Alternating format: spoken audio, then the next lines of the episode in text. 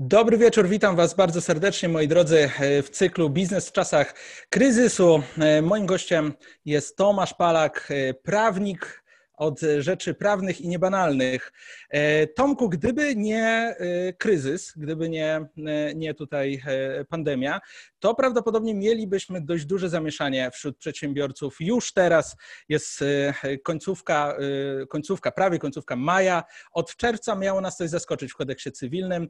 Co to było i czy nie warto jednak się jednak do tego już teraz przygotowywać. Zgadza się. 1, 1 czerwca miało być tak y, i gdyby nie zmiana wynikająca z tarczy antykryzysowej, to prawdopodobnie teraz większość przedsiębiorców byłoby wiesz, w, takiej, w takiej panice, krótko mówiąc, tak jak to było w końcówce przed wejściem w życie RODO. E, ta zmiana polega na tym, y, że mm, nie będzie takiego jednoznacznego podziału, jaki dotąd się pewnie większości osób kojarzy, czyli że są i konsumenci, i przedsiębiorcy, tylko pojawi się taka środkowa grupa przedsiębiorcy, którym pewne cechy tych konsumentów są nadane. To pewnie sobie w szczegółach pogadamy, jakie, jak tam z tego wybrnąć i jak to będzie oceniane i tak dalej, ale kluczowa, kluczowa zmiana jest taka, że e, najprościej jakby nie będzie tak, że jeżeli coś bierzesz e, na fakturę, kupujesz, to tracisz te konsumenckie e, uprawnienia, bo już jesteś magicznie przedsiębiorcą, tylko jest możliwe, że, że nadal nie. No i tarcza zrobiła tak, że, że tej paniki dzisiaj nie ma, no bo mamy inne powody do paniki, i to wejdzie, wejdzie w 1 stycznia. Więc dodatkowe powiedzmy pół roku dla przedsiębiorców na to ponad pół roku, żeby, żeby wdrożyć to porządnie, a nie panicznie, tak jak no niestety to bywało chociażby właśnie na przykładzie RODO, tak jak kiedyś rozmawialiśmy. No właśnie, jeżeli chodzi o RODO, to faktycznie było tak, że pisałeś o temacie dwa lata wcześniej, e, tak. robiąc takie ciekawe dopiski, zrobiłeś to samo teraz na blogu odnośnie tego, że jeżeli czytasz to chwilę przed wejściem e, w życie, to ja cię pozdrawiam, pisałem o tym dwa lata e, temu, wtedy no kiedy nikt się nie przygotowywał. No i mam nadzieję, Dokładnie tak. Nasze, spotkanie też będzie, mam nadzieję, jakimś krokiem do większej świadomości na ten temat, żeby jak najmniej osób robiło to tak właśnie panicznie. Ja pewnie je u siebie też na bloga wrzucę. Właśnie każdy, każdy pretekst jest dobry, żeby znowu do tematu wrócić, a ja na razie o tym pisałem. Jeśli ktoś będzie wolał słowo gadane, to przy Twojej pomocy e, będzie mógł mnie przesłuchać, nie? My też podlinkujemy, a ja chciałbym się zapytać Ciebie jako praktyka e, do takich wdrożeń kryzysowych, czy Twoim zdaniem przedsiębiorcy, których obsługujesz, nauczyli się czegoś po, po RODO, czy to byłby replay faktycznie? E, wiesz co, no, jeżeli e, użyłeś sformułowania tych, ci, których obsługuję, no to prawdopodobnie tak, no bo jednak gdzieś e, nabrali doświadczenia i do, docenili to, że pewnymi rzeczami uda się wcześniej zająć, nie? Natomiast patrząc szerzej po przedsiębiorcach tak generalnie, to mam wrażenie, że, że niespecjalnie, że jednak będzie, będzie panika i jedyna różnica jest taka, że nie, nie jest teraz, bo teraz właśnie byłaby, tylko że będzie w okolicach, wiesz, Bożego Narodzenia. Okej, okay, to powiedz mi jeszcze, nim przejdziemy do takiej e, luźniejszej e, rozmowy na, na, na YouTubie, e, tak naprawdę Twoim zdaniem, jak powinien taki trzymajmy się e-commerce, taki przedsiębiorca przygotować się tak ogólnie, bo wiemy, że jest dużo pułapek. W dalszej części oczywiście tego wywiadu myślę, że sobie je przepunktujemy, ale tak w największym skrócie. Najpierw mentalnie jak się przygotować, czyli jak, jak w ogóle przygotować się na obsługę klienta, który nie wiadomo kim jest do końca i z drugiej strony jak to technicznie rozwiązać. Tak kró, króciutko. A wiesz co, a zacznę jeszcze trochę inaczej, to znaczy od e, tego, jak się powinien przygotować przedsiębiorca jako kupujący, bo i tak powinno to nastąpić, a to coś, o czym wielu, wielu z przedsiębiorców nie myśli. Chodzi mi o to, że w Centralnej Ewidencji Działalności Gospodarczej mamy e, PKD, klasyfikację działalności, jaką się zajmujemy. Wielu z przedsiębiorców sobie wpisało tam różne rzeczy, powiedzmy tak na zapas, nie? E, wpisali sobie, nie wiem, bo e, babka ma salon kosmetyczny, ale mąż też wykłada e, kafelki, więc wpisała na wszelki wypadek usługi remontowe, gdyby z jakiegoś powodu trzeba było puszczać to przez drugą działalność, bo coś tam, nie? Tylko, że teraz może tego żałować, bo jak sobie na, na swoją właśnie tą działalność kosmetyczną zamówi te kafelki, to nagle okazuje się, że zajmuje się przecież tym według centralnej ewidencji, że się na tym zna i że nie przysługują jej te prawa. Więc pierwsza rzecz, jaką bym sugerował, to żeby sobie przypomnieć, jak tam w centralnej ewidencji z pozycji kupującego wyglądamy, bo to będzie kluczowe do tego, żeby się zastanawiać e, na miejscu tego, kto nam sprzeda, czy się na czymś znamy. A to będzie właśnie, o tym będziemy sobie więcej dzisiaj pewnie mówić, e, weryfikowanie jakieś tego, czy ktoś w ogóle te uprawnienia ma, czy nabywał te, to coś w ramach swojej działalności, e, czy jako przedsiębiorca, ale jednak, jednak pobocznie. Nie? A tak to, jak chodzi o sprzedaży strony, E, no przede wszystkim trzeba będzie zanalizować e, regulaminy i, i coś tam, krótko mówiąc, podopisywać, prawdopodobnie też powykreślać. No dobra, regulaminy to jest ta rzecz formalna, którą zmienimy raz i, i, już prawdopodobnie powiedzmy, że, że, że, działa. A jak to rozwiązać z punktu widzenia e, zakupów? No bo e, przyrodą była prosta sprawa, wystarczyło zaktualizować checkboxy, pozmieniać, coś tam bardziej obowiązkowo, mniej, ale to dalej było dla kupującego e, dwa, trzy checkboxy, ewentualnie jakaś większa zgoda i, i dalej mogę kupować. Czy to teraz będziemy musieli deklarować, nie deklarować? Oczywiście nie wchodzimy głębiej, tylko jak to z punktu widzenia teraz technicznego yy, i trochę mentalnego przedsiębiorcy podejść do tego? No to, bo, bo mamy co, sprawdzać za każdym razem, szukać PKD, przecież na Allegro to ludzie by, by, by się zajechali. Oszaleli, nie? To znaczy tak, yy, jeśli, jeśli yy, rozmawiamy ponad pół roku przed tym, jak to ostatecznie wejdzie, to jesteśmy też trochę w takiej sytuacji, jak właśnie przed RODO na pół roku przed, gdzie jeszcze nie wszystko wiadomo. Ale coraz bardziej wygląda na to, że najwygodniej z punktu widzenia sprzedającego będzie e, dorzucić checkbox albo coś w tym stylu, e, jakąś formę oświadczenia, z której będzie wynikać, że ja, jeśli kupuję na firmę, to kupuję na firmę e, albo w charakterze takim, że mi się te uprawnienia będą należeć, albo nie. Więc to, co teraz powiedziałem, nie wynika wprost z prawa, ale no zapewne z jakiejś takiej, wiesz, czystej, czystej wygody. Co do tego, co mówisz, tego weryfikowania, to prawdopodobnie weryfikowanie następować będzie nie za każdym razem, no bo to rzeczywiście by było szaleństwo, wiesz, każdy zakup na Allegro, tylko jeśli y, kupujący będzie chciał skorzystać z uprawnień konsumenckich. Czyli ja mówię, mi się należy prawo do odstąpienia i wtedy zaczynamy się zastanawiać, e, czy, czy na pewno ci się należy, czy właśnie i tutaj wraca ten temat centralnej ewidencji, tego ewentualnie, co tam zaznaczył w tym checkboxie i tak dalej. No tak, ale to już jest troszeczkę y, po fakcie, ale do, do, tego jeszcze przejdziemy, nim zejdziemy na dalszą część na, na YouTube. Jeszcze szybkie pytanie, jakie zagrożenia widzisz w związku z tymi zmianami? Y, może z punktu widzenia tego, który sprzedaje, tak? W sensie, co mu mhm. najbardziej grozi tutaj? E, najbardziej mu grozi to, że po prostu w ogóle nie będzie o tym wiedział i że może y, zdziwić się i niespodziewanie za, nie wiem, 2-3 miesiące w lutym, marcu, zakładając, że to wejdzie w styczniu, e, zorientować, że powinien był poinformować na przykład mnie jako kupującego o tym, że mam prawo do odstąpienia. A ponieważ mnie nie poinformował, e, to może się okazać, że to prawo do odstąpienia przysługuje mi przez cały rok. Więc największe ryzyko wiąże się z tym, że potencjalnie e, po prostu niewiedza i nie, nie zajęcie się tematem wcale, nie?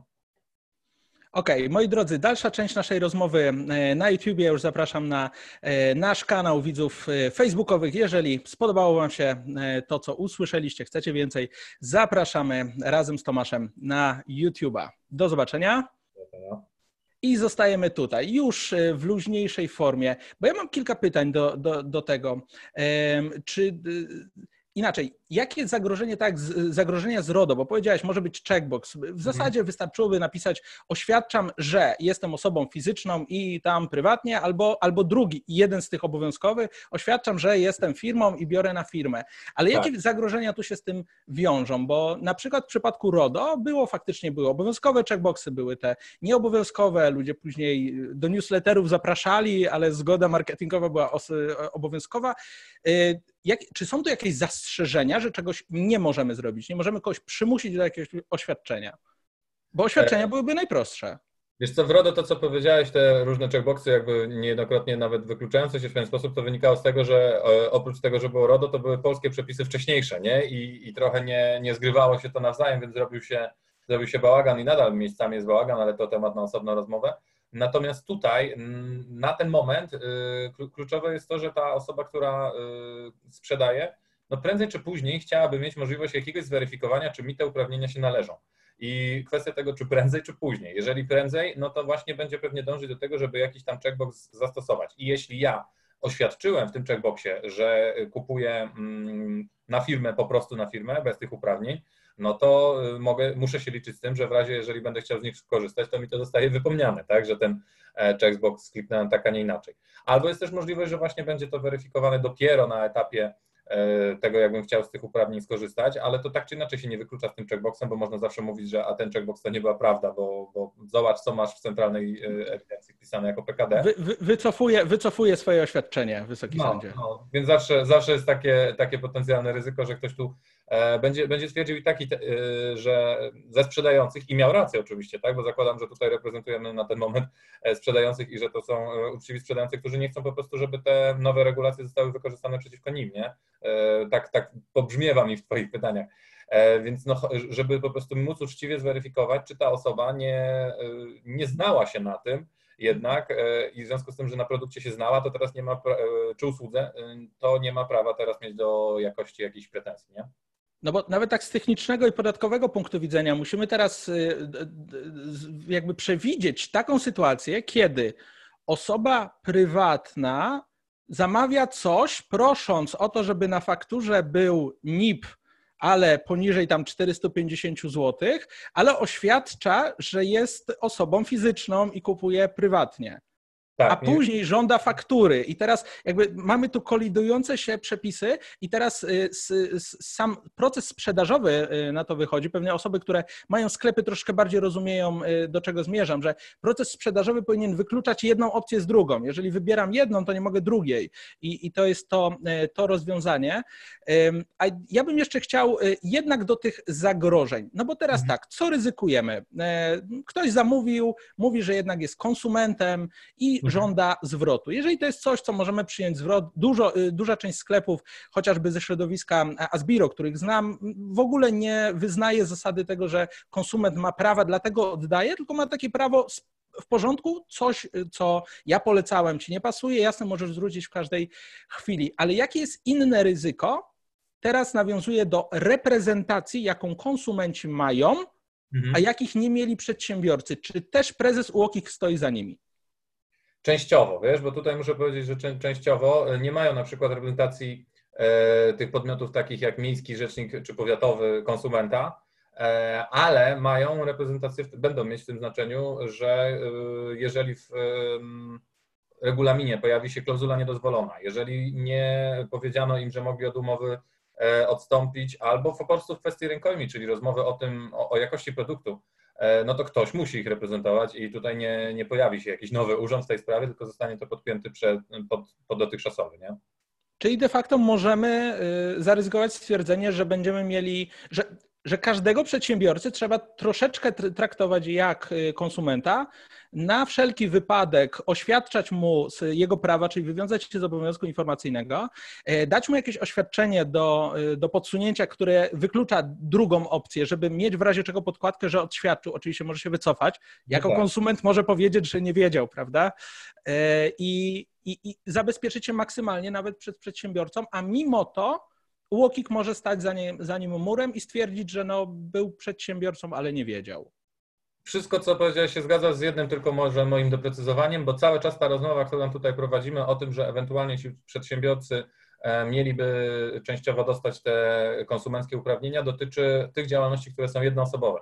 Czyli jeśli mowa jest o tym, że to jest spółka, e, to wszystko jest jakby bez zmian. Nie? Natomiast ryzyko pojawia się, jeśli mamy do czynienia z działalnością wpisaną właśnie do Centralnej Ewidencji Działalności Gospodarczej jako formalnie rzecz biorąc jednoosobowa, co oczywiście absolutnie nie wyklucza tego, że tam mogą być setki, tysiące pracowników w praktyce, to pewnie doskonale wiesz i nasi odbiorcy również. Dobrze, y, to y, w takim podsumowaniu, żebyśmy przeszli może, y, może dalej.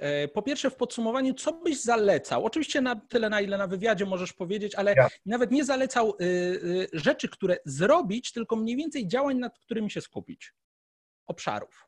Mhm. To mm, może, może e, zrobię takie intro, e, albo umówimy się, że zadałeś mi jeszcze jedno pytanie, e, które będzie polegać na tym, że jakie tak naprawdę te konsumenta prawa otrzymał ten przedsiębiorca, dobra? Bo to są trzy rzeczy i na tej, z tej podstawy ja będę w stanie wy, wywnioskować, co trzeba zrobić, nie? Jasne. Po pierwsze, to jest to prawo do odstąpienia, które zawsze kojarzyliśmy, że w ciągu 14 dni możemy się po prostu rozmyślić, jeżeli coś kupiliśmy przez internet. I to prawo również właśnie na tych przedsiębiorców, którzy nie w ramach swojej działalności kupowali, E, przejdzie. Więc e, trzeba będzie o tym prawie poinformować, a jeśli się nie poinformuje, no to właśnie to prawo będzie przysługiwać w ciągu roku.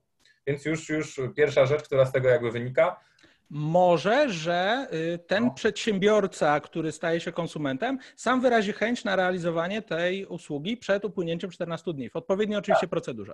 Tak, to wszystkie wyjątki, to jest e, artykuł 38 e, praw konsumentów, te wszystkie wyjątki nadal będą obowiązywać, czyli e, rozpoczęcie przed 14 dniami, czyli jakaś specjalna, wiesz, zafoliowana płyta CD, przeczytane czasopismo. Albo podpisana książka. Czy tak dalej. Nie słyszałem, co powiedziałeś? Albo podpisana książka. Tak jest. To, to, to, wszystko jak najbardziej będzie dotyczyć ta lista wyjątków. Natomiast kluczowe jest to, żeby o tym poinformować, że się to prawo ma lub z jakiego powodu się nie ma, ponieważ w przeciwnym wypadku no jest tak, że to prawo przysługiwać będzie przez rok, a więc jak widzisz, no to automatycznie niejako wynika z tego pierwsza rzecz ważna do, do zmodyfikowania w regulaminie, bo no, jestem w stanie, wiesz, y, głowę dać, jak to się mówi, że e, prawdopodobnie w regulaminach e, większości działalności na ten moment jest napisane, że coś w stylu konsumentowi przysługuje prawo do odstąpienia. No ale to się za moment stanie nieaktualne, nie? No bo nie tylko konsumentowi. Jeśli w regulaminie nie będzie napisane, że przedsiębiorcy, któremu nadano uprawnienia konsumenta, również przysługuje prawo do odstąpienia, no to jest po, po, po imprezie i może się okazać, że nie, nie zrealizowałeś tego obowiązku, w związku z czym przez rok ta osoba może ci się rozmyślić, a wiesz, sprzedasz y, setki tysiące, załóżmy, produktu namacalnego i nagle po pół roku się okazuje, że wszystkie są zwrócone i ty masz oddawać pieniądze, to jak, jak to wpływa na płynność finansową, na cashflow, to po prostu aż strach myśleć, nie? Żeby po prostu się nie, nie wywalić biznesowo na takim prawnym drobiazgu, bo to jest akurat drobiazg w porównaniu z tym wszystkim, co jeszcze pewnie trzeba pozmieniać. E, czyli w pisaniu tego, tego dosłownie prawie że jednego zdania, albo dopisania tych paru słów do zdania, które już zapewne istnieje, czyli że konsument ma to prawo. Ale jeden plus tego jest, że jeżeli mieliśmy to dobrze przygotowane i stosowaliśmy to wo wobec konsumentów, i tu się RODO kłania, e, mhm. że tak samo jak wcześniej, przed RODO, jeżeli mieliśmy to wszystko wprowadzone, to zmiany są kosmetyczne. Tak, I ta świadomość mentalna stosowania tego też jest kosmetyczna. Problem jest inny. Prawdopodobnie no. nie do końca wcześniej wszystko było zrobione, stąd też y, Czyli tak zastosowanie tak, tego będzie skomplikowane na początku, a później jak w RODO już wszyscy się przyzwyczają. Tak samo jak można e, użyć tego, co powiedziałeś, że RODO się kłania, czyli e, może to będzie okazja do zrobienia po prostu porządku tam, gdzie bałagan był już wcześniej. E, te zmiany, które aż tak drastyczne, gdyby, gdyby ktoś miał to dobrze zrobione dotąd, nie są. Bo e, to jest prawda. Jak widać po pierwszej rzeczy, pierwsza, pierwsze z trzech jakby uprawnień, które nadano, powoduje, że w zasadzie e, trzeba dopisać jedno zdanie. E, dwa pozostałe najprawdopodobniej e, spowodują, że trzeba dopisać jeden, powiedzmy, rozdział regulaminu. Tak w uproszczeniu. Rozdział, który pewnie będzie dotyczył po prostu właśnie tego, tej trzeciej grupy nowo powstałej, czyli e, przedsiębiorców mających cechy, cechy konsumentów. Nie? No właśnie, dobra, bo ja przejdę właśnie do dalszej części tej wyliczanki. Również oprócz prawa do odstąpienia, tym przedsiębiorcom zostanie nadane prawo do, do w zakresie klauzul niedozwolonych to wiem, że ty y, o tym możesz dużo też opowiadać. E, natomiast, natomiast no, to są takie zapisy, które gdzieś zostały przez y, już y, przepisy ustawowe typu kodeks cywilny albo przez urząd uznane, że nie powinny się znajdować w wzorach, które są komuś narzucane. I tak było dotąd w kontekście tego, że jest konsument sobie po drugiej stronie, słabsza osoba, nie znająca się, nie mająca jakby wyboru, możliwości negocjacji treści i tak dalej, tak? E, no i tych zapisów być nie mogło, a mogły być, jeśli ktoś jest przedsiębiorcą. I często w praktyce spotykałem się z tym, że e, ja na przykład mówiłem, że reprezentowałem konsumenta e, i mówiłem, że należy mu się dane prawo, a przeciwna strona wyciągała i mówi, ale pan konsument kupił to na fakturę. Konsumentem nie jest. I ja mówiłem, panie tam Marku, czy dobrze oni mówią, że kupił pan na fakturę? On tam grzebał, grzebał, mówił, no tak. Ja musiałem wtedy powiedzieć, no to niestety jest pan wobec tego w, tym, w tej relacji przedsiębiorcą. I tutaj można by właśnie pociągnąć ten wątek dalej, wyobrazić sobie, że ten Marek mówi, no ale z jakiej racji? Ja się zajmuję, nie wiem, sprzedażą rowerów i kupiłem sobie kawę do biura. Dlaczego ja się mam znać na kawie, nie? A ja niestety dotąd musiałbym mówić, no, no takie są przepisy. A teraz będę mógł od stycznia mówić, racja panie Marku, uważam, że jest pan co prawda nadal przedsiębiorcą, ale że to uprawnienie w zakresie klauzul mm, tak zwanych abuzywnych, niedozwolonych się panu należy, ponieważ powstała właśnie ta, ta trzecia grupa, nie? Czyli na fakturę wziąć mogę, ale nie, będzie, nie będę traktowany jako profesjonalnie zorganizowany podmiot, tak. który powinien znać się na prawie. Tak, bo to wygląda tak, że dotąd było właśnie tak e, po, po powszechnym, no, umówmy się, patentem wyciąganie komuś tej faktury, że ktoś sobie chciał po prostu, wiesz, daną rzecz w koszty wrzucić, wyciągało mu się to, że on jest teraz nie wiadomo jaką, wiesz, e, spółką, która robi wielkie transakcje, pomimo, że faktura opiewa na 100 zł na kawę. No i e, okazywało się, że on przecież jest profesjonalistą i zgodził się profesjonalnie na daną treść, na przykład regulaminu, ponieważ e, wszystko tam ogarnia i pomimo, że w niej są klauzule, które e, w przypadku, gdyby był konsumentem, by go mm, nie mogły dotyczyć, bo są nielegalne, no ale jest przedsiębiorcą, bo biedny wziął to fakturę. Ta sytuacja teraz po prostu od stycznia nie będzie możliwa, no bo, no bo ten patent jakby ucieknie, bo zawsze będzie możliwość wykazywania, że ten, że ten przedsiębiorca jednak miał cechy konsumenta. Tak to będę ujmował, nie? E, bo tak naprawdę ta trzecia grupa nie ma takiej krótkiej, precyzyjnej nazwy przedsiębiorca konsument, tylko to jest przedsiębiorca o cechach konsumenta. Ja się najczęściej takim posługuję sformułowaniem i skracam to do POCK. Ale Czyli, że kupiła, kupił coś nie w, znaczy nie w celach zawodowych. Tak, można to tak, można to tak mniej więcej określić, a e, najbezpieczniej, że po prostu, że się nie znał, że miał prawo się nie znać. Jeżeli, e, no właśnie, jeżeli kupił sobie fryzjer, kawę do salonu, no to nie musi się znać na kawie, ale jeżeli kupiłby sobie szampony, nożyczki, no to co innego, nie? Jeżeli ja jestem prawnikiem i biorę sobie coś na firmę i jeżeli kupiłbym sobie książki i w tych książkach jest, wiesz, kodeksy i tak dalej, i tak dalej i ja nagle robię pretensje, że e, okazuje się, że e, nie wiem, że o zabójstwie nie jest napisane w kodeksie cywilnym, no to wychodzi na to, że ja się nie znam, nie? Że to ja jestem nieobyty w swojej branży. Natomiast jeżeli ja jestem prawnikiem, tak, o, teraz dobry przykład i właśnie wziąłem fakturę, ponieważ robię remont sobie biura, maluję, i jeżeli bym powiedział, kurde, okazuje się, że ta farba, farba w biurze to jednak nie jest dobra, bo coś tam, bo, bo się nie znałem, no to mam prawo się nie znać, nie? Tak po prostu. Mhm. Okej, okay, trzecia rzecz, bo wymieniłeś dwie. Trzecia rzecz to jest um, rękojmia, czyli y, odpowiedzialność za jakość tego, co sprzedano. E, tu zrobię takie mm, intro, nie intro, w każdym razie rozróżnienie, że często wiem, że w praktyce ludziom się myli, co to jest rękojmia, a co to jest gwarancja. Gwarancja to jest to, że mm, dobrowolnie producent na przykład y, telefonu e, komórkowego mówi, możesz, masz mm, od nas roczną gwarancję na jakość tego telefonu, możesz się odezwać do, do Sony i, i naprawiać. Ale oprócz tego, jeżeli jest się konsumentem, mówię o stanie obecnym, jeżeli jest się konsumentem, to równie dobrze mamy uprawnienie z tytułu rękojmi, a więc po prostu do sprzedawcy. Czyli my się nie będziemy z Sony przepychać, y, tylko niech się y, zajmie tym y, sprzedawca, ponieważ mamy takie uprawnienie. Jeżeli w praktyce, jeżeli pójdziemy do, do salonu, to oni będą próbowali dla własnej wygody nas wepchnąć te gwarancje, żeby oczywiście e, nie, nie mieć problemu, ale my mamy prawo wybrać, że to będzie z tytułu rękojmi i że pro, problem zrealizowania e, naszych pretensji, że tak powiem, w zakresie jakości tego telefonu spoczywa na sprzedawcy. No i to jest sytuacja dotycząca na ten moment konsumenta. Różnica, ta co zwykle jakby z tego wynikała, jest e, następująca, że w przypadku przedsiębiorców mających, e, którym nadano te, te uprawnienia, też będą mieli możliwość skorzystania z tej, e, z tej rękojmi, nie? Wobec tego, bo mm, nie wiem, czy pamiętasz, że nie byliśmy tak naprawdę przy wyliczance, jakie rzeczy trzy się zmieniły, tylko jakie trzy rzeczy z tego wynikają w zmianach. Czyli w kontekście prawa do odstąpienia wynika to, że trzeba napisać, że też e, przysługuje to prawo do odstąpienia temu specyficznemu jakby rodzajowi przedsiębiorcy.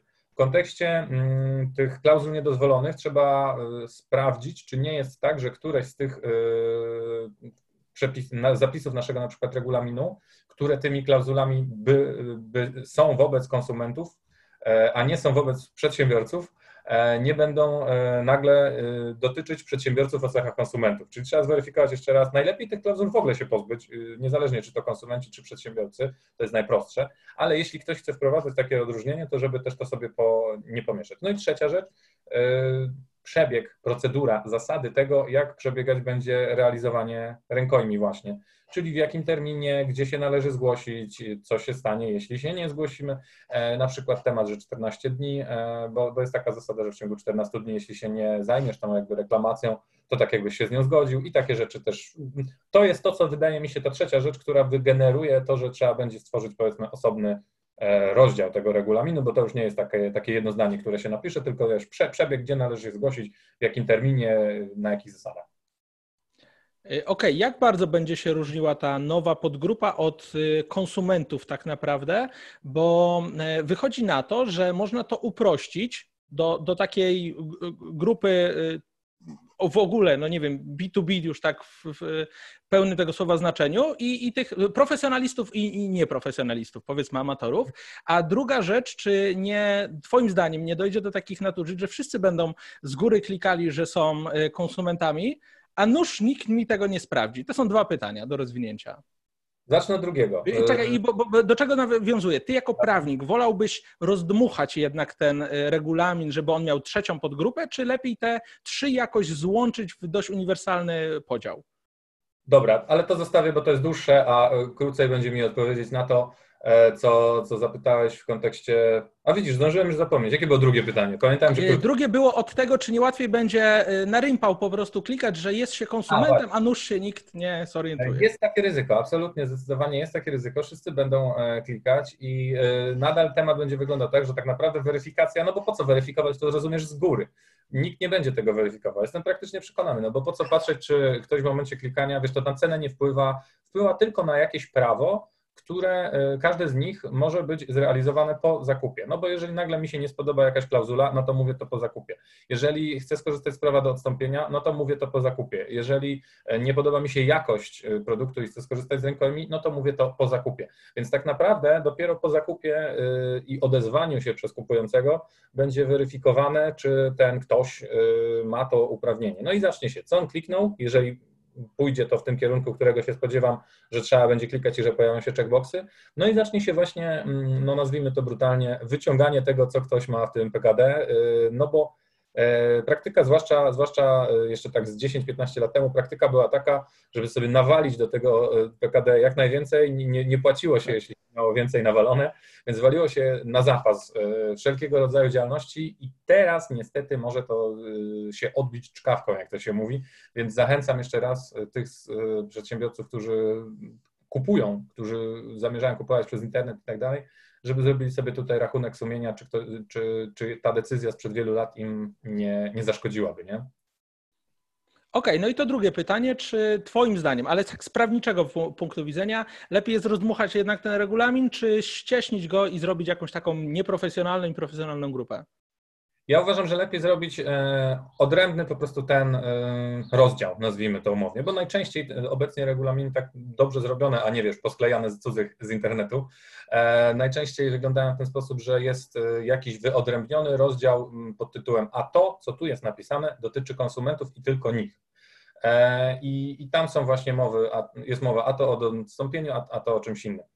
E, natomiast te uprawnienia, które y, nabędą przedsiębiorcy, to są tylko te trzy, nie wszystkie inne. Czyli na przykład nie można, znaczy bez sensu jest napisać, że przedsiębiorcy przysługuje prawo skorzystania z Miejskiego Rzecznika Konsumentów, bo to nieprawda. E, wobec czego chyba najlogiczniej byłoby zrobić e, rozdział, który polegał na tym, że jakie są no nie trzeba robić rozdziału, który spowoduje, że nie będzie klauzul niedozwolonych, bo to się ewentualnie je wykreśli. Nie trzeba robić rozdziału, który e, będzie opisywał prawo do odstąpienia, bo to można dopisać przy starym jakby miejscu, gdzie pewnie jest wpisane prawo do odstąpienia, ale przydałby się rozdział albo jakiś jeden, nie wiem, rozbudowany punkt mówiący o tym, jak będzie przebiegać procedura reklamacji w przypadku przedsiębiorcy, bo nie będzie przebiegać tak samo, gwarantuję, nie będzie przebiegać tak samo jak w przypadku konsumenta. Z jakiego powodu? Z tego, który już przed chwilą powiedzieliśmy, czyli że będzie jakaś konieczna weryfikacja, czy to uprawnienie mu się należy. A więc przypuszczam, bo to teraz y, jeszcze, wiesz, nikt Wróżymy tego... trochę, wróżymy. Tak, tak, trochę wróżymy. Nikt tego przepisami nie sprecyzował, a przypuszczam, że to będzie tak, jak było z RODO, że e, jak już pierwsi zaczną e, jakieś pomysły w tym zakresie wdrażać, to inni zaczną je ściągać. Natomiast przypuszczam, że to będzie tak, że procedura będzie tak, że ja na przykład chciałbym skorzystać z mm, mojego prawa rękojmi, odzywam się do sprzedającego, E, i sprzedający daje sobie jakiś czas na zweryfikowanie, czy mam te prawo e, i jakiś tryb, to znaczy, że zajrzy mi w tę centralną ewidencję, albo że ja mam udowodnić, że kliknąłem, albo że on mi sprawdzi, czy kliknąłem e, odpowiedni checkbox i tak dalej. Więc tutaj Znając na... życie, to my jako przedsiębiorcy musimy udowodnić w drugą stronę pewnie. Często, często tak jest. W każdym razie no sam rozumiem, że tutaj nie będzie tak samo jak przy konsumentach, E, gdzie, gdzie no nie ma co udowadniać. No, ewentualnie to jest nieoficjalna procedura, sprawdza się trzy razy, czy na pewno ten konsument nie wziął na fakturę, bo wtedy można go spławić na bambus, nie? Ale to no już tak. właśnie będzie, będzie kończyć. Więc tutaj ta procedura będzie się przynajmniej o, te, o ten pierwszy krok różnić od tej konsumenckiej, a pewnie i jakieś poszczególne jakby drobniejsze różnice w toku też się, też się znajdą, nie? Polak potrafi główkować, więc pewnie e, pojawi się cała masa ciekawych e, case'ów do publikacji na Twoim blogu. A ja jeszcze na koniec chciałem takie podsumowanie zagrożeń, które mhm. widzisz. Już pod tym taki, po, poza tym standardowym, że po prostu no, łokik będzie nam e, wisiał na, na karku, pomimo że przyzwyczailiśmy się, no nie wiem, przez ostatnie 5-10 lat handlowania czymś, co docierało głównie do małych przedsiębiorców na przykład, a teraz się okaże, że dociera dalej do małych przedsiębiorców, ale oni stali się konsumentami, więc y, po pierwsze jakbyś omówił ten temat z Łokikiem, co tutaj widzisz, a po drugie inne zagrożenia związane z tym, i uwaga, tutaj jeszcze małe dopowiedzenie. Na bank pamiętasz zmianę w 2014 roku tak. E, kodeksu cywilnego i różny, różny wysyp związany z, z tymi pozwami, więc jakby tak płynnie nawiązać. UOKiK plus ewentualne zewnętrzne zagrożenia. E, zagrożenie ze strony UOKiK-u e, jest takie, że po prostu jeśli się nie wypełni tych swoich obowiązków, no to będzie można być zmuszonym do tłumaczenia się przed nim z tego, że się tego nie dokonało. Może wówczas UOKiK uznać, że na przykład nasze klauzule e, w regulaminie czy gdziekolwiek są e, abuzywne, czyli niedozwolone i że mamy je zdjąć i ewentualnie coś zapłacić.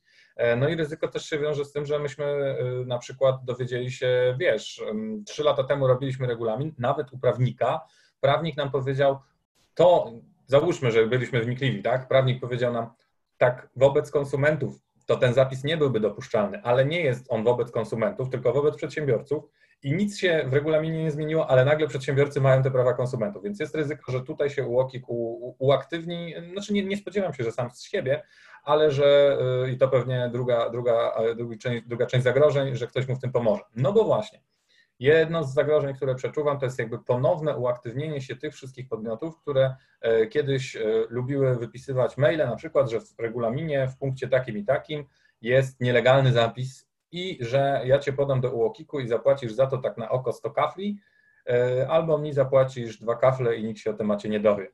Była taka praktyka, pewnie do tego dążyłeś, tak? M tak, tak, tak. No. Ale też była praktyka reprezentowania przez stowarzyszenia praw konsumentów, które tak. znikały po kilku miesiącach. Tak, to, to, to, to, też, też te podmioty. I oni, im się, im się to Eldorado trochę skończyło, bo już wiele osób się dowiedziało o tym, że, że ta praktyka jest taka, wiesz, szemrana. Po drugie, im się to Eldorado skończyło, bo w którymś momencie Sąd Najwyższy tam zadecydował, że to nie znaczy, że oni od każdej sprawy będą mieli choćby symboliczną, ale przy tej hurtowej liczbie jednak przydatną opłatę, tak? Więc e, nie, nie było tak, że opłacało im się masowo z tym lecieć, żeby od każdego jakiś tam grosz od państwa uzyskać. E, natomiast mogą się na nowo uaktywnić, bo wiesz, wyobraź sobie, jesteś przedsiębiorcą nieuświadomionym w ogóle w temacie, e, dostajesz informację, że teraz przedsiębiorcy inni dostali prawa konsumentów. Dostajesz pyk, jeden link, którym, z którego wynika, że tak jest, nie? No i tak jest, no bo faktycznie w styczniu tak będzie. Dostajesz drugi link, z którego wynika, że klauzula taka, jaką masz na stronie, jest klauzulą niedozwoloną wobec konsumentów i od stycznia również przedsiębiorców, którzy mają cechy konsumentów i myślisz sobie, no nie jest dobrze, nie? No bo faktycznie, obiektywnie rzecz biorąc, wychodzi, że, mm, że, że oni mają rację. Natomiast, no też praktycznie rzecz biorąc, nie ma co iść tutaj na dogadywanie się z takimi podmiotami, to od razu mogę powiedzieć, jeżeli się na nowo uaktywnią, e, bo to jest, e, znaczy taka, taka, taka w ogóle szantaż, nazywając to wprost, jest e, też szemrany, nielegalny i lepiej już tłumaczyć się przed ewentualnie sądem czy tam urzędem, i doprowadzi do tego, że będzie się wiedzieć, na czym się stoi i być może, że się wybroni. Nie? Więc zagrożenie urząd, zagrożenie takie podmioty, które chętnie do urzędu doniosą, a tak naprawdę nie chętnie do urzędu doniosą, tylko chętnie tym postraszą po to, żeby y, im zapłacić, żeby nie doniosły. E, po trzecie, mm, podmioty, które zaczną od drugiej strony e, zajmować się tematem, czyli tego, co sygnalizowałem na początku, czyli e, masz za dużo wpisów e, w PKD, masz za dużo branż, jakby, którymi rzekomo się zajmujesz. I oni pójdą w kierunku, no tutaj teraz, jak widać, pan nie może, nie mógłby skorzystać ze swoich uprawnień, ponieważ ma pan tutaj 50 rzeczy, którymi się rzekomo zajmuje, a dobrze wiemy, że jest pan, nie wiem, fryzjerem, tak? Więc powinien pan to sobie pozmniejszać, tę liczbę. E, należy to zrobić w ten i ten sposób, tyle się płaci. I nic się nie płaci, to nieprawda. To można zrobić tak. w danej ewidencji działalności gospodarczej, ale po pierwsze, ludzie nie wiedzą, że się za to nie płaci, więc jest ryzyko, że komuś zapłacą za bycie pełnomocnikiem za coś, co można zrobić przez internet w kwadrans, tak naprawdę. A po drugie, jest ryzyko, że znowu uaktywnią się podmioty, o których pewnie też miałeś okazję słyszeć, czyli podszywające się pod Centralną Ewidencję Działalności Gospodarczej. Na przykład jest e, Centralna Ewidencja Działalności Gospodarczej i Firm. I to jest podmiot prywatny, który wysyła, że na ten moment on wysyła, jak tylko założysz działalność, on wysyła, że e, masz się do niego wpisać, zapłacić za to jakieś pieniądze, a to nie jest żaden twój obowiązek, tylko oni tak sprawiają wrażenie. No i oni mogą powiedzieć teraz, że oni się zajmą tym, żeby ciebie powykreślać rzekomo i, i wiesz, też nadal nic nie zrobić, nie? Więc to jest trzecie ryzyko. Czwarte ryzyko to są ludzie, którzy po prostu będą patrzeć we własnym interesie lub w interesie zaszkodzenia konkurencji, czy w ogóle, nie wiem, byłemu pracodawcy, którzy będą patrzeć, czy ktoś to wdrożył i na przykład, wiesz, 3 stycznia wyślą ci mailika, że ty się tematem nie zająłeś i że y, widzą, że twój regulamin jest zły, no i jak zamierzasz się dogadać z tej okazji ze mną, nie? Więc to są takie zagrożenia, myślę, cztery podstawowe, które tutaj mogą się, y, się pojawić i tak naprawdę dlatego też tak staram się ten temat i dziękuję Ci za zaproszenie przy Twojej pomocy również na, nagłaśniać, tak naprawdę, tak jak doszliśmy w sumie w ciągu tej, tej, tych 400 minut doty, dotychczas naszej rozmowy, wszystkiemu temu dałoby się zapobiec dopisując y, dwa do sześciu zdań. No i dobrze układając cały proces sprzedażowy, bo też nie, nie popadajmy znowu w skrajność, że to jest tak, że teraz przedsiębiorca, który nie ma pojęcia o niczym, teraz siądzie, zrobi to w 10 minut, bo trochę tak nie jest, ale to też nie jest tak, że nie da się tego zrobić, no nie wiem, tak. w, w, tydzień ogarnąć tematu, dopiąć go, zapiąć i, i, i zamknąć. E, dlatego też Cię zaprosiłem, Tomku, bo e, my też chcemy jakby tą akcję e, informacyjną robić dość szerszą, bo pamiętam jak współpracowaliśmy przy RODO. Ja, tak. wiesz, mija, dwa lata, a, a ja mam wrażenie, że my nadal poprawiamy te rzeczy i nadal uświadamiamy, jakie, co, co powinno się pojawić. I a, właśnie, ja tego RODO... Do, do, tego RODO chciałem też nawiązać, że to, wszystkie te trzy zagrożenia, które powiedziałeś, ja bym jeszcze wymienił na jedno zagrożenie, że pójdzie hurtem.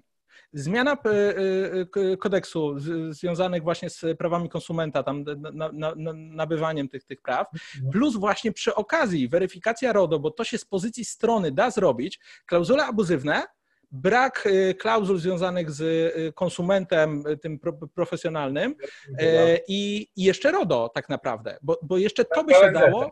Z punktu widzenia, skoro już, już jakaś firma, stowarzyszenie czy, czy ktokolwiek już chcą takiego przedsiębiorcę gdzieś przefiltrować, no to sprawdzenie, czy, czy ta polityka prywatności nie ma dziur i, i sprawdzenie tak. dodatkowych procedur z RODO jest bardzo szybkie do zweryfikowania. Tak, no i to, to, też masz rację, że to można w pewien sposób jakby skumulować, tak? Abuzywne klauzule, RODO i tak dalej, w, w, po prostu w kogoś, kto chętnie by się przyczepił, no, nazywając rzeczy po imieniu. Nie brakuje takich osób, nie wiem na ile przedsiębiorcy nas słuchający mieli z tym doświadczenie, ale, ale niech mi zaufają, że w kontekście na przykład RODO e, szalenie często jest tak, że, że ten, inicjator tego, że nagle firma musi się tym zająć, to jest osoba e, życzliwa, e, która na przykład jest byłym pracownikiem i teraz próbuje namieszać, albo po prostu osoba, która wydaje się e, osobą trzecią, a my coraz bardziej mamy wrażenie, że to jest jednak ktoś, kto pomaga naszym konkurentom i tak dalej, nie?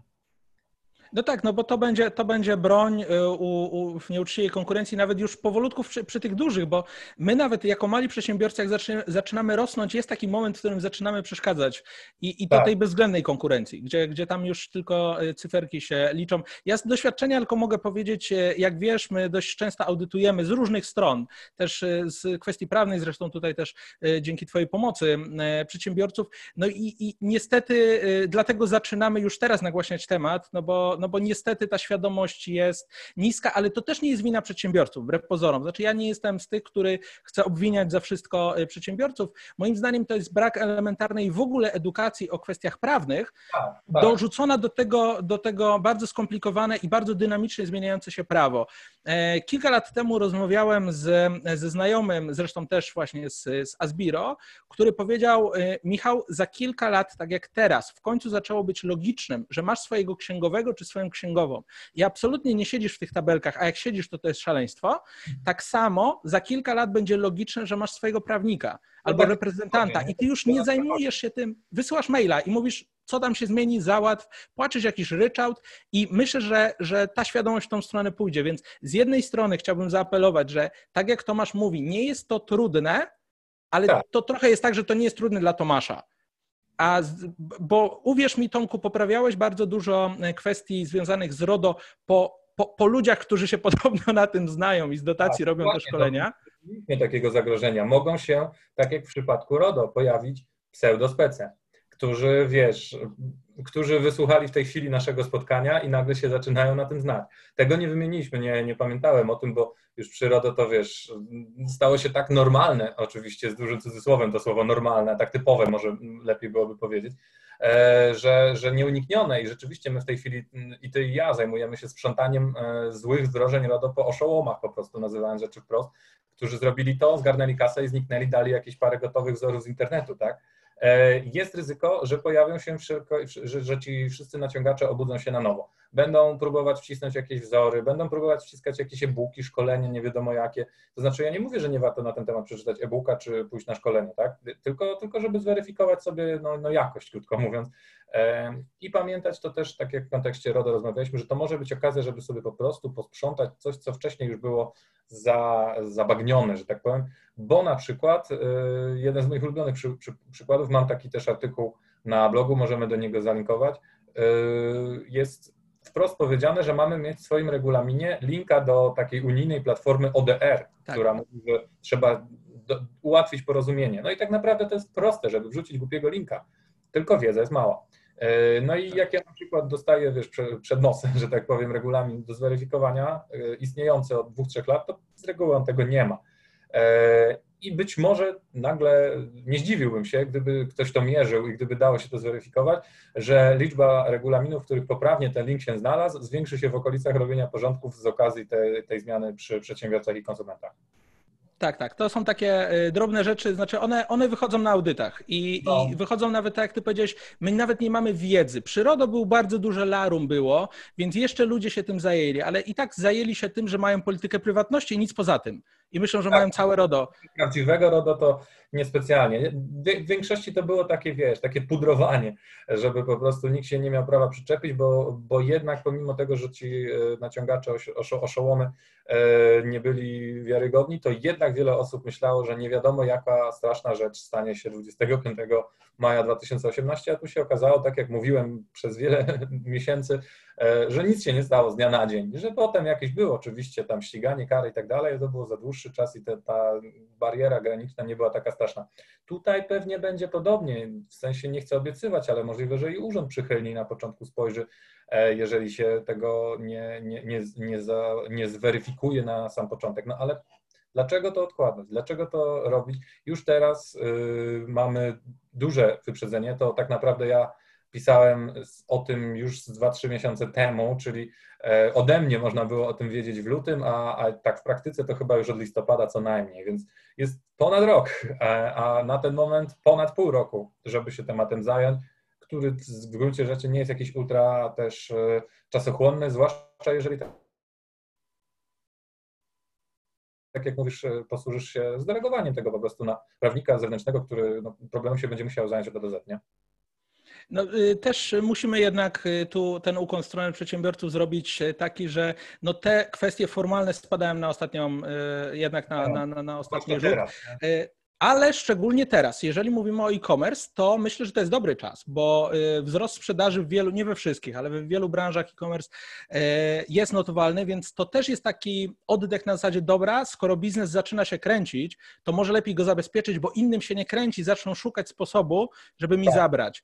Więc to jest to. I jeszcze jedno słowo do, do, do czarodziejów od, od szkoleń. Y, ja nie będę taki brutalny jak ty.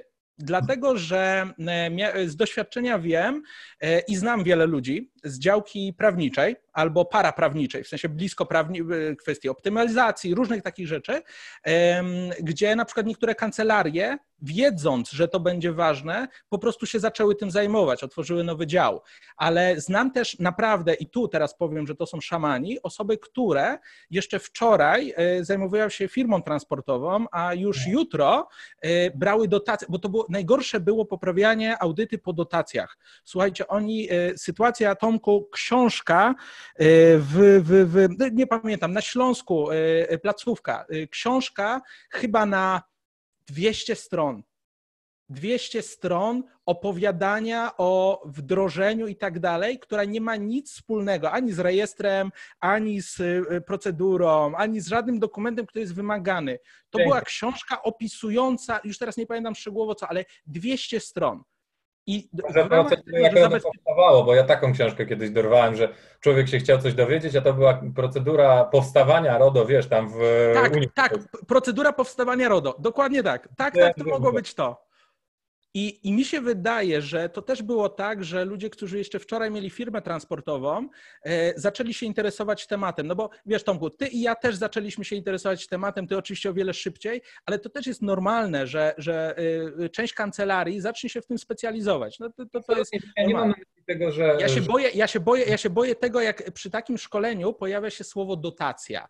Bo 100% y, takich audytów z dotacji było poprawianych, bo tam było tak, ktoś dostał procedurę, e, ktoś dostał tą książkę i on cały czas robi, on nie rozumiał pewnych rzeczy, nie potrafił się dostosować e, i e, zabawna rzecz, a propos, tu już do naszych widzów, jak usłyszycie, no. że jakieś wdrożenia są z dotacji, nie wiem jaki masz do czynienia, no ja mam negatywne, więc o tym powiem też otwarcie, w końcu mój kanał, mhm. to jeżeli, tam był taki myk, że na przykład dotacja była dla osoby wdrażającej, chyba 6 tysięcy na czysto, w, ogólnie w, w puli chyba było 10 albo 9, a 3 tysiące jeszcze dostawał ten, który to wdrożył. Okay. I ludzie później te trzy albo cztery koła tak naprawdę i tak musieli e, oddać komuś, żeby to wdrożył podobnie, e, e, na nowo, więc jakby poplątanie z pomieszaniem. Więc y, tu tylko taki mały apel, jak ktoś to wydarza, sprawdźcie, czy przynajmniej rok temu miał coś wspólnego z prawem. Jeżeli tak, tak to, to w no, porządku, bo jest dużo, jest dużo dobrych ludzi, którzy na tym wyrośli, ale faktycznie no, weryfikacja musi, musi być, bo potem tak naprawdę odpowiedzialność jest y, głównie przedsiębiorcy to nawet można zweryfikować, to jest właśnie, e, ja, ja, też nie, nie miałem na myśli, mówiąc o wiesz, szamana oszołomach RODO, taki, takiego czegoś, że kancelaria, tak jak mówię, zbudowała sobie dział. Spoko, bo najczęściej pewnie ten dział powstał z tego, że wyodrębnili zespół, który już był, albo że wokół jednego specjalisty, który już był, e, zebrali jakieś, jakieś e, zaplecze, tak? Natomiast jeżeli no, patrzysz sobie, że na przykład ta firma w ogóle rok temu nie istniała, albo że to nie jest firma, bo i tak je widywałem akcję, no to to jest no. No, będzie, będzie się, myślę, że dużo działo, ale też będziemy informować całe szczęście. Y, zasięgi y, Tomku masz coraz większe, więc jest też duża szansa, że ludzie będą docierać do takich podmiotów y, jak ty. W linku w komentarzu pierwszym albo też w opisie dorzucamy link do bloga Tomasza. Myślę, że na dzisiaj to tyle. Jeżeli wywiad Wam się podobał, napiszcie coś w komentarzu, będziemy też odpowiadać na to na bieżąco.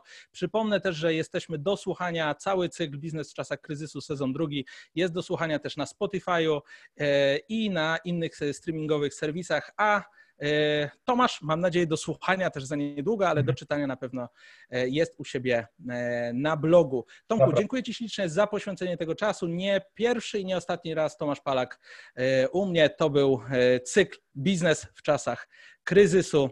Do zobaczenia i dobranoc Państwu. Dobranoc, Tomku. Dzięki.